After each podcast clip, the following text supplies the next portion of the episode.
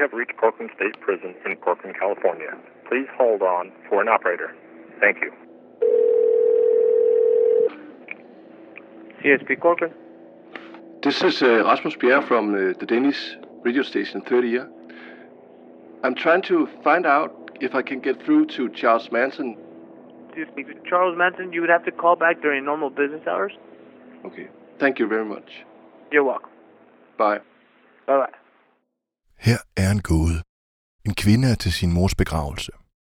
Til begravelsen møder hun en mand, som hun ikke kender, men som hun hovedkuls forelsker sig i. Efter begravelsen forsvinder manden, uden at efterlade sig noget spor. Ingen kender manden, og kvinden har ingen mulighed for at kontakte ham. To dage efter slår kvinden sin søster ihjel. Spørgsmålet er, hvorfor gjorde hun det?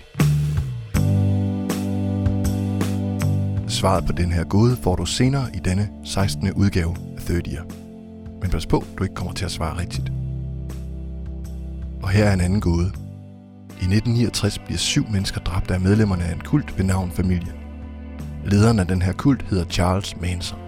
To år senere bliver Charles Manson idømt fængsel på livstid for en række mord, han ikke selv har begået. Manson er en gåde i sig selv. Men den helt store gåde er, hvordan det lykkedes ham at overtale en flok unge hippier til at dræbe en række helt uskyldige mennesker. Hvad er det med den her mand? Hvad er det, han kan, og hvad er det, han vil opnå? Og hvorfor er der stadigvæk så mange mennesker, der dyrker den her massemorder, som nu for eksempel ham her, Claus Helgren Larsen, der er Mansons samler? Der er mange teorier omkring det. Altså min egen er, at der er visse mennesker, der har en form for magnetisme. Hvad er det, der er med den her mand, der så ofte er blevet beskrevet som en vaskeægte stjernepsykopat? Og hvad er det, der er med de her psykopater? Det kan psykiateren Henrik Dag Poulsen svare på. Psykopatens bedste våben, det er, at folk siger, jamen sådan er der jo ikke nogen mennesker, der er. Og hvad med Nicolas Bro, der lige for tiden spiller rollen som Manson på det kongelige teater, og som har spillet en masse andre psykopater? Hvad kan han fortælle os om det? Altså, jeg lægger nok mest mærke til, at jeg synes, han virker enormt såret. Og sidst, men ikke mindst, hvad er det med ham her, Master Fatman?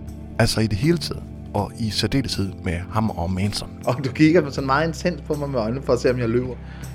Men det er ikke mig, der har skrevet helt og skælder dernede. Den næste halve times tid vil vi forsøge at komme lidt tættere på løsningen til det her gådefulde fænomen. Og så kan vi vel lige så godt starte fra begyndelsen.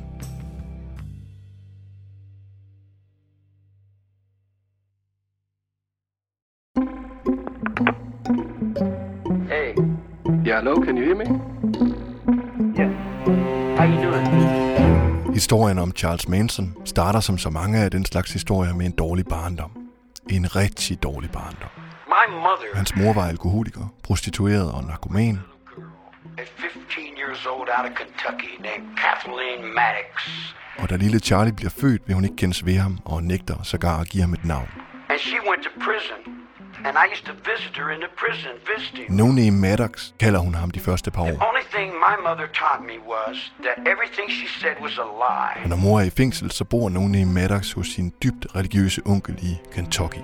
I have parents have left me in a, another dimension, so to say. Og når mor er ude af fængslet, turer No Name og Kathleen Maddox rundt sammen med nogle af hendes mandlige bekendtskaber. En af dem hedder Charlie Manson. She went to Cincinnati, had a guy named Charlie Manson. Og så er det, at lille No Name Maddox bliver til Charles Manson. Han får endda et par gode råd med på vejen af sin navnefar. He said, don't go to those schools, boy. So when I was nine years old, I set the school on fire, and I went to reform school. 13 år gammel flygter Manson fra børnehjemmet. Men da han kommer hjem til sin mor, nægter hun at lukke ham ind. Og så må Manson begå karrierens første røveri for at få penge til at lege et I've værelse. been in every reform school you got across the country, and used to lay down and have to get my ass whipped till I couldn't walk. Så snart Manson er gammel nok, ryger han direkte i fængsel. 1944, I went to juvenile hall. Og de næste 18 år, fra 1949 til 67, bruger Manson det meste af sin tid bag trammer, når han ikke er ude og røve tankstationer og stjæle biler. I fængslet møder Manson den berømte bankrøver, Alvin Karpis, der lærer ham at spille guitar. Ikke så god lyd, men altså det der er meget musik, der ikke er. Den her, der er kommet et, et, et lille oplag og, og på og måske omkring 1000, ikke? så jeg det er i, hvad var det, 778, da jeg købte den, der gav jeg vel nok en, en 700 kroner for den, så der, er- den er blevet betydeligt mere sjældent end der. in. Side. Altså, jeg er Claus Helgren Larsen.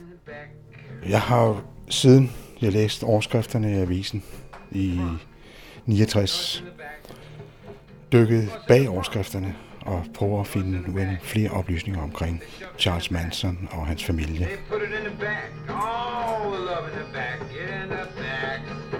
Det er jo tit de historier, der ligger bag overskrifterne.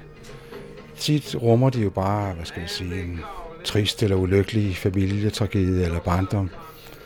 Men altså i det her tilfælde, der dukker jo så et menneske op, Charles Manson, som viser sig at være både afskrækkende, men øh, samtidig også fascinerende. It's your computer. And I call him. Old ego is a too much thing. Old ego is a too much thing.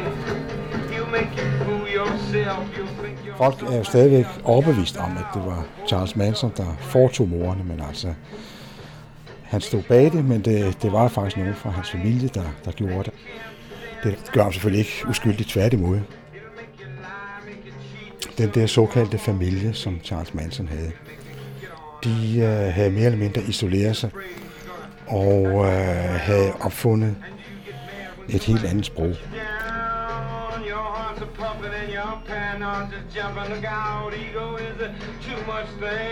En af Mansons idéer, det var, at øh, der ville ske en fuldstændig samfundsomvæltning. Lige det omkring 69-70. You start flipping out, then you ease on out of your mind.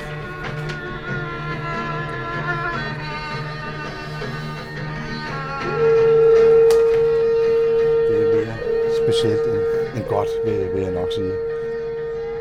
Det er nemmere nu at se tilbage og sætte det i en historisk ramme, men, men dengang var, var der jo mange, der opfattede sådan nogle større begivenheder som øh, den nye dagsorden. Altså var, var, var, det, var det det, vi skulle leve med? Altså var, var, det, var der nogen, der var ved at overtage herredømmet? Well, I get out of the penitentiary in the 50s, and everybody's going thump, thump, thump, and they're walking like that. I get ba- locked back up, I get out in the penitentiary in the 65, and it's going thump, thump, thump, thump, thump, and I get locked up again, and I come out in the 69, it's going thump, thump, thump, thump, thump, thump, thump, thump. I 1967 kommer Manson ud af fængslet, som han har gjort så mange gange før. Men den her gang er særlig, Wow, man, wow. for verden er i færd med at ændre sig. Sådan er stemningen i hvert fald i San Francisco, hvor gaderne flyder med hippier og stoffer og en helt ny slags musik. Manson træder direkte ud i The Summer of Love. Han finder sig som sædvanlig i en bil, og så ligger han og cruiser rundt i San Franciscos gader. Når han ser en ung, enlig hippiepige, stopper han op og spørger hende, om hun er blevet smidt ud hjemmefra. No. Efterhånden får Manson samlet sig en mindre her af unge kvinder, der flytter ind i det hus, han har lånt. And uh, the reason that there was a lot of girls around that place is because I play music. Manson har en stor drøm om at blive rockstjerne. And I play pretty good music. Og det lykkedes ham også at komme i kontakt med nogle af de helt tunge drenge i Kaliforniens musikliv. And I play and I sing and they say, Hey man, you you got you got soul in that music and I said, Yeah, I, I play a little bit, you know. Han bliver venner med Beach Boys trommeslageren Dennis Wilson, som virkelig godt kan lide Manson og hans musik. They say, Man, we want to get you over. Say you're a star.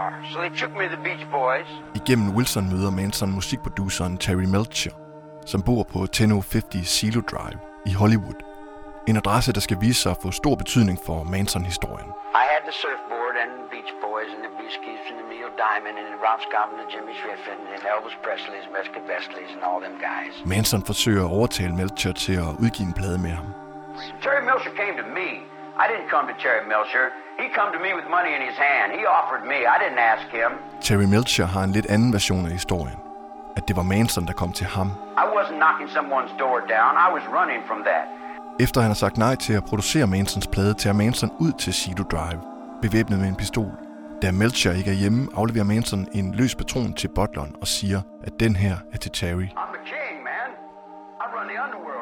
Den her historie er bare en ud af mange, hvor Manson påstår det direkte modsatte af, hvad folk omkring ham fortæller. Han har til synligheden en ufattelig god evne til at fordreje historien og overbevise sig selv og alle andre om, at han altid har ret. Lige meget hvad resten af verden siger og mener. Det er nok også derfor, det lykkedes ham i den sommer i 67 at samle 30-40 tilbedere, der hylder ham som en moderne profet. But all the kids, they would come to me and say, we got no place to go. And I'd say, well, I got no place to go. Men hvad var det, de så i en forhudlet, småkriminel wannabe rockmusiker? You know, so they were throwaway kids, and I was a throwaway kid. Det, de så, var det, der skulle blive til en af det 20. århundredes mest berømte psykopater, som lige præcis der i slut 60'erne, hvor alting var i opløsning og hvor ingen rigtig kendte retningen, havde de helt ideelle betingelser for at forføre, charmere, manipulere og fuldstændig udelukke enhver tanke om, at han nogensinde kunne tage fejl. I picked them out of the garbage can and said, all you got to do, tell the truth and be honest. Og her kommer så løsningen til den første gåde. Den om kvinden, der dræber sin søster. Svaret er, at hun dræber sin søster for, at der skal komme en ny begravelse, i håbet om, at den mystiske mand så dukker op igen. For hvis han kommer til morens begravelse, så kommer han nok også til søsterens. Gåden er en såkaldt psykopattest. Hvis du allerede havde knækket den, så er du måske psykopat.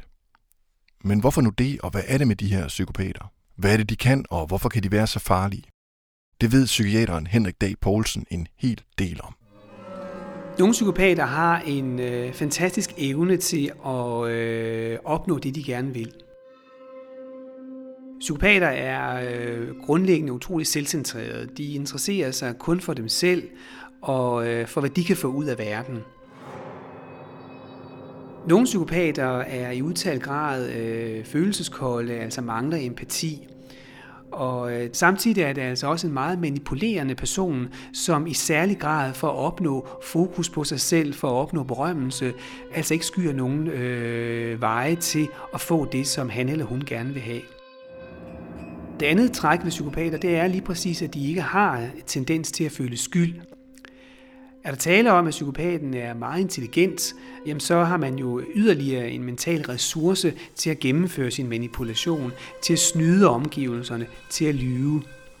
Og det er det, som der er det mest problematiske ved nogle psykopater, det er den der charmerende, veltalende, måske Don Juan-agtige øh, opførsel. Omgivelserne kan sige, ah, han er da så flink og sød, og må ikke det er dig, der er en lille smule sart. Det betyder også, at de folk, der omgiver sig med psykopater, øh, ofte føler sig udnyttet, fordi psykopaten er kun interesseret i, hvad kan du gøre for mig? En psykopat er en person, som øh, psykiatrisk set ikke er sindssyg.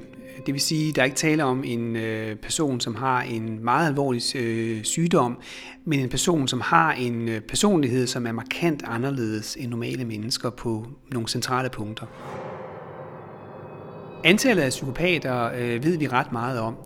Der er lavet en hel del undersøgelser i udlandet, hvor man har øh, fundet tal på omkring mellem 2-3 procent af baggrundsbefolkningen. Og omsat til danske forhold vil det sige omkring 1.500.000 af os alle sammen. Som læge fortæller vi jo som udgangspunkt altid, hvad øh, en person fejler, når vi undersøger dem.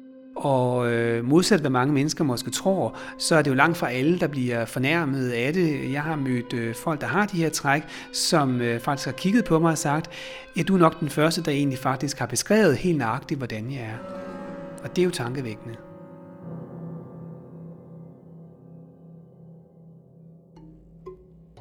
I 68 får Manson og hans nye familie fat på en bus, som de kører rundt i, for til sidst at slå sig ned i ørkenen uden for LA. I en udtjent filmkulisseby, der tidligere været brugt til at skyde westernfilm i. Hvad der sker derude er afhængig af, hvem man spørger. We we and. Ifølge Manson hyggede de sig bare og legede teater. We used to have games when we'd play. On the movie set, we would take on different people. I'd be Riff Raff Rattus. Men meget tyder på, at der foregik helt andre And ting. we'd just take other people and play act other people. And then we lost track who we were. De fleste vil nok snarere kalde det hjernevask. they weren't followers, they were friends. Det er herude i den forladte westernby, Manson for alvor begynder at få samling på sin store ideologi, som han prædiker for familiens medlemmer. Den er kogt sammen af stumper fra forskellige trosretninger og har retning direkte mod dommedag. Mansons dommedag hedder Helter Skelter.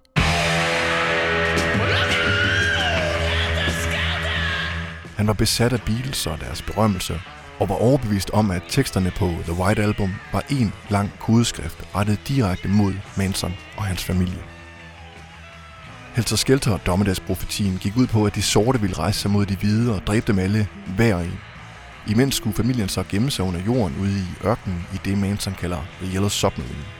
Efter revolutionen ville familien så stige op til overfladen igen og overtage verdensherredømmet, fordi de sorte ikke selv var i stand til at organisere et samfund. Selv ruten ud til den underjordiske hule kunne Manson tolke ud af en af teksterne på The White Album. En dag, da en af familiens medlemmer er kommet i fængsel for biltyveri, mangler de penge til kaution.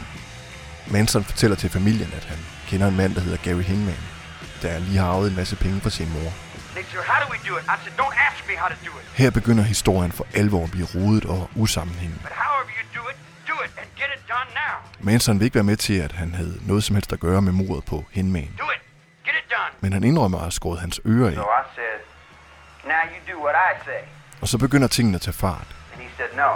Egentlig var planen, at familien skulle indspille en plade, der så skulle blive lige så populær som Beatles plader, og som så ville sætte gang i Helter Skelter-revolutionen.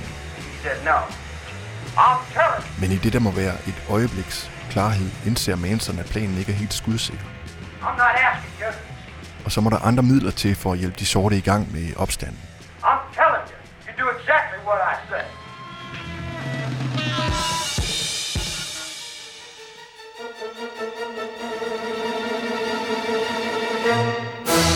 Så skal vi en tur ind til Nikolas Bro, inde på det kongelige. Luksuscellen.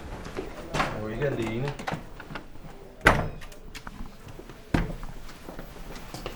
Hvem deler du selv med? Øh, Copernicus. Do you feel blame? Are you mad? Uh, do you feel like Wolves Bob Referendus? Get French.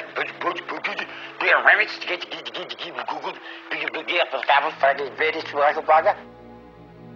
Ja, altså, jeg, jeg, øh, altså det, jeg, det jeg bare mener, det er, at øh, det er jo fra mig, de kommer. Nej, jeg var her hos Mikkel, ikke også Mikkel? Alle de øh, psykopater eller skæve skikkelser, man vælger at spille, de bliver, er jo sidste ende mig. Agent 007. Golden Eye. Altså, det er ikke noget med at mane en eller anden personlighedsspaltning op eller sådan noget. Altså, det er bare, at det er min krop, det er mine tanker, det bliver mig. Og der er jo ikke nogen af os, der ved, hvordan en psykopat nødvendigvis ser ud. Trine, jeg har sagt, du skal altså ikke sige det der med. Ja, jeg har spillet nogle stykker efterhånden. Både på film og teater. Man leder jo altid efter et monster, det gør folk jo. Og det gør folk jo for en. Jeg skal jo bare finde et menneske.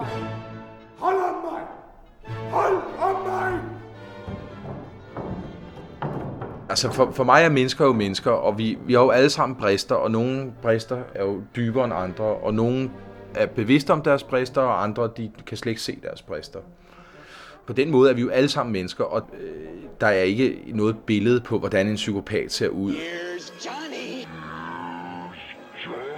Jeg ved godt, at, øh, at især at man kan sige film og sådan noget, vil gerne vil vise et billede, og jeg, jeg er sikker på, at jeg også suger alle klichéerne til mig, når jeg laver noget. Øh, men han kan lige så godt være brunhåret og 71 og veje 200 kilo, som han kan være 2 meter høj og julebenet og helt blond, ikke? Popfilmene kan jo godt lide, at de sådan enten har et ar over panden, eller skjult homoseksuelle, eller whatever, ikke? Et eller andet, eller en businessmand, øh, der knækker, som ikke kan få sin psykopati til at generere noget konstruktivt, men pludselig bliver negativ, eller hvordan sådan en film psykopat nogle gange.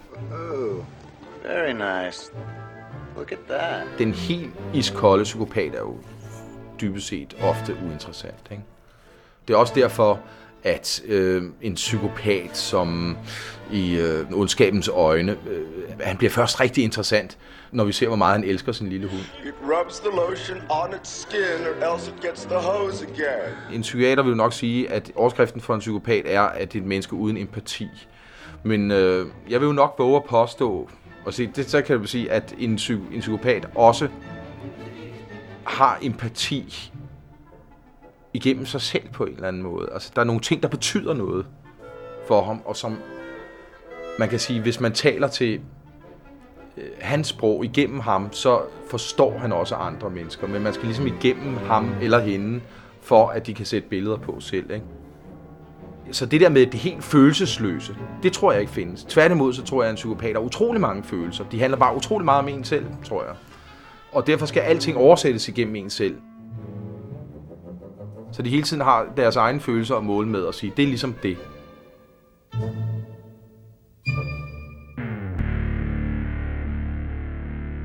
En aften i august i 1969 vækker Manson et par af familiens piger og fortæller dem, at de skal køre en tur sammen med Tex Watson, Mansons næstkommanderende.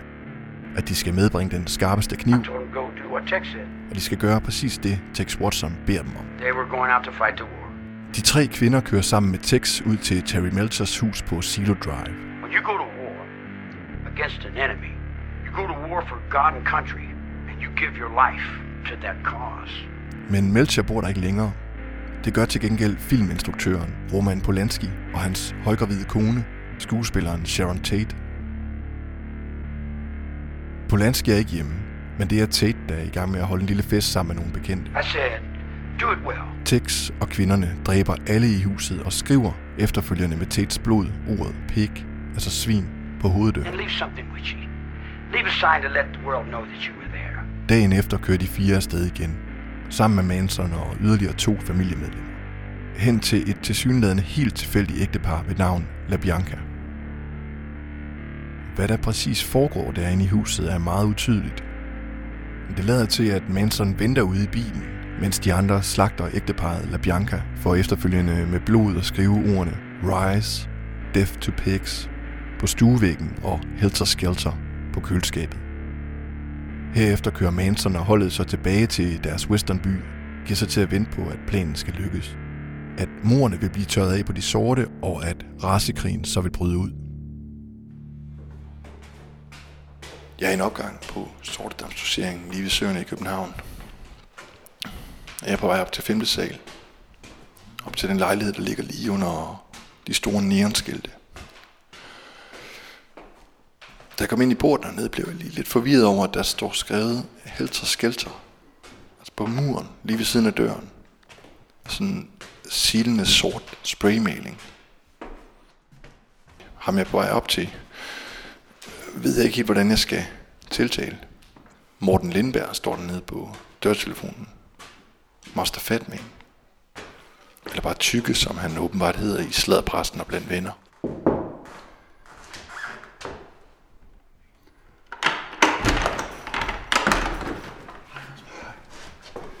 Jeg spørger ham selvfølgelig, om det er ham, der har skrevet Helter Skelter ned på muren. Ja, og ved du hvad, det vil jeg bare sige, det er ikke mig, der har skrevet Helter Og Skelter. så selvfølgelig, om jeg er gået helt galt i byen, eller om der er noget med ham og Manson. Prøv at høre. Jeg er topvild med fanatisme. Det er der, tingene bliver undersøgt, og jeg synes selvfølgelig, fanatisme, som er helt, har et helt verdensbillede, er det mest interessante. Det er sjældent, man møder det. Men det er jo, jeg synes, det er mere interessant, at nogen går helt vildt op i noget, end at de går en lille smule op i det. Men hvis folk går sammen i en sekt, det, det, det er ligesom at funkmusik eller, eller jazz eller sådan noget der. Det, jeg kan godt lide det. Altså, og det er bare ligesom, nogen kan lide tulipaner, eller nogen kan lide demokrati, eller der er alle mulige ting, man kan lide. Jeg synes bare, at sekter, det er ligesom fedt. Så derfor har jeg jo også selv kørt sådan lidt, øh, måske ikke sektagtigt, men jo alligevel sådan The Fatman Family og sådan noget.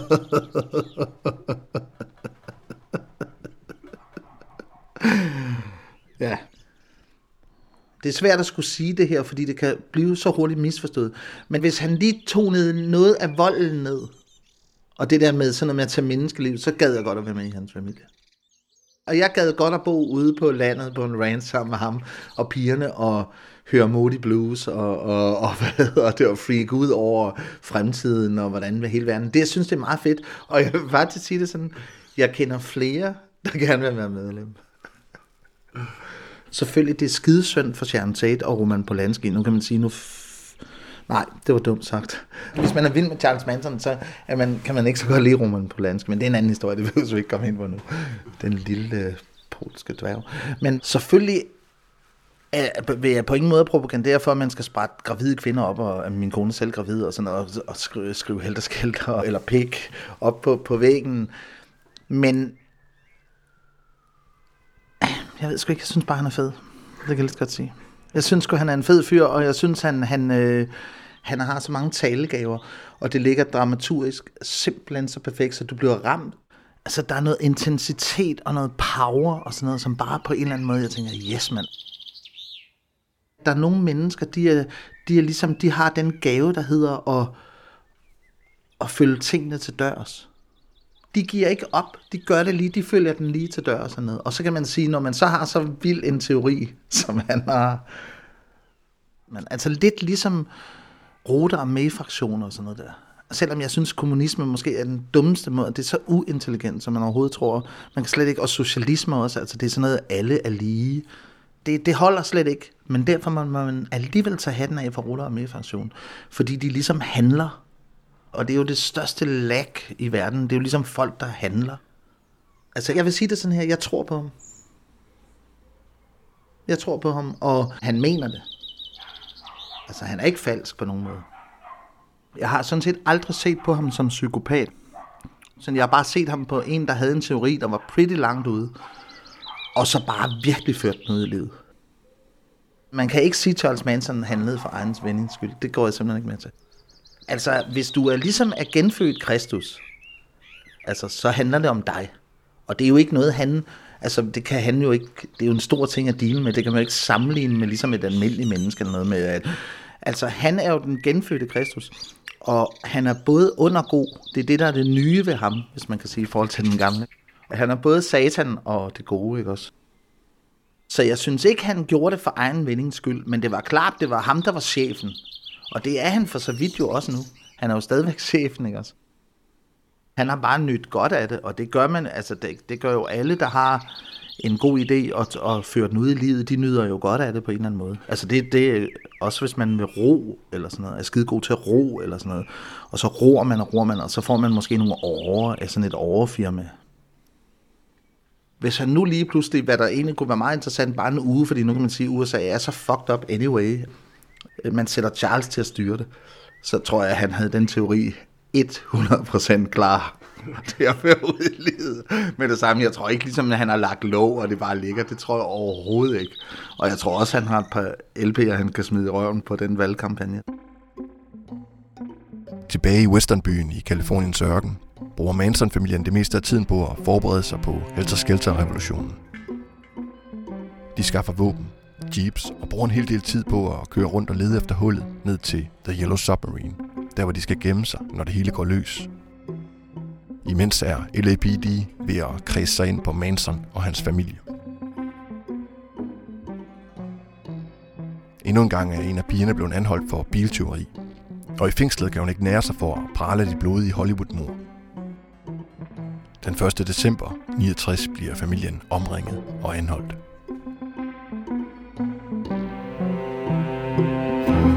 Det, der følger, er en af de største medieretssager i USA's historie. Manson nægter sig skyldig og nægter at få en advokat. Really accept any attorneys. I don't accept the court.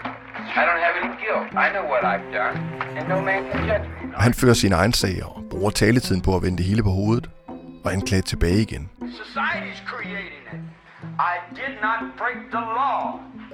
Jesus Christ told you that 2,000 years ago. You don't understand me. That's your trouble. I don't understand you either. Ligesom resten af familien barberer han alt håret af og møder syngende og pjattende op til retsmøderne. Maybe I haven't done enough. I might be ashamed of that for not doing enough. For not giving enough. Det hele ender med, at Charles Manson, Tex Watson og tre af pigerne bliver dømt til døden. Maybe I should have killed four or five hundred people, then I would have felt better. Kort tid efter afskaffes dødsdommen i Kalifornien, og så får de livsvarigt fængsel i stedet for. Damn I felt like I really offered society something.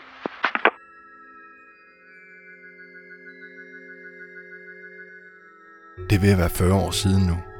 De fire familiemedlemmer er blevet sat på fri fod, men Manson, han sidder der endnu. Altså, jeg er rigtig, rigtig åben. Der er faktisk ikke rigtig noget, som skræmmer mig. For en måneds tid siden blev han snuppet med en mobiltelefon sin celle i California State Prison. Jeg tror bare, at han har været på en eller anden trip, og så, wow, så har han set en eller anden form for sammenhæng.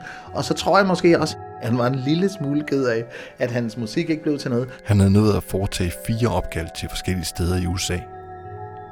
Kalifornien, Florida, New Jersey og British Columbia.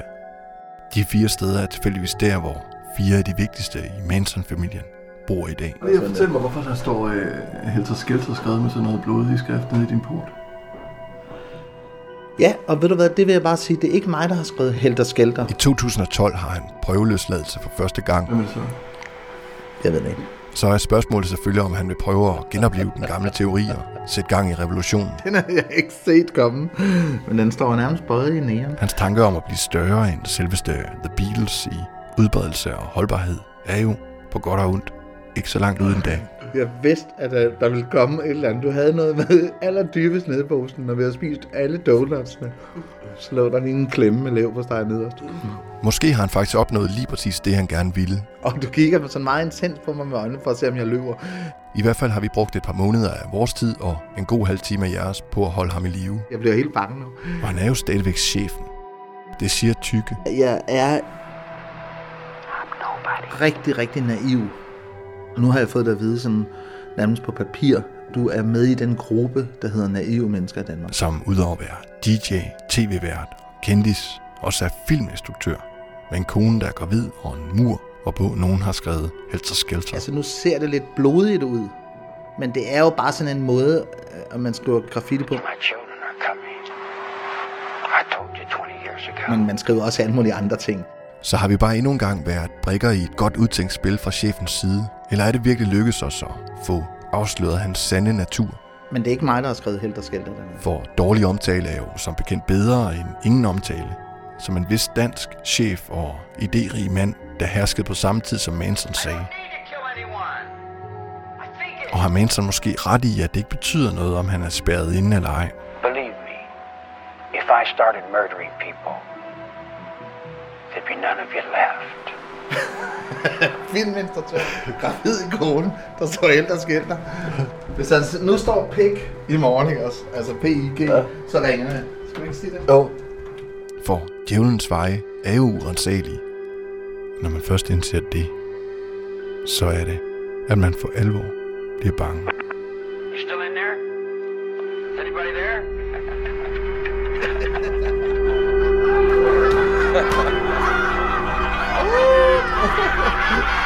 Det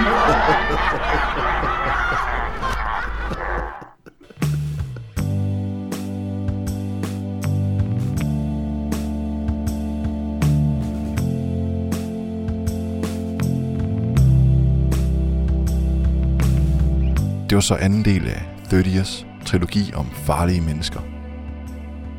Afslutningen kommer ned over dig, før du er endt.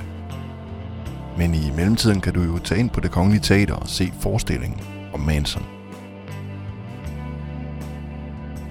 Denne udgave af 30 var skrevet og produceret af Christa Molsen og Rasmus Bjerre. Musikken var af Mikkel Andersen. Det visuelle af Miriam Nielsen og Marie Bøje Thomsen. Og husk, at hvis du kan lide, hvad du hørte, så send det videre.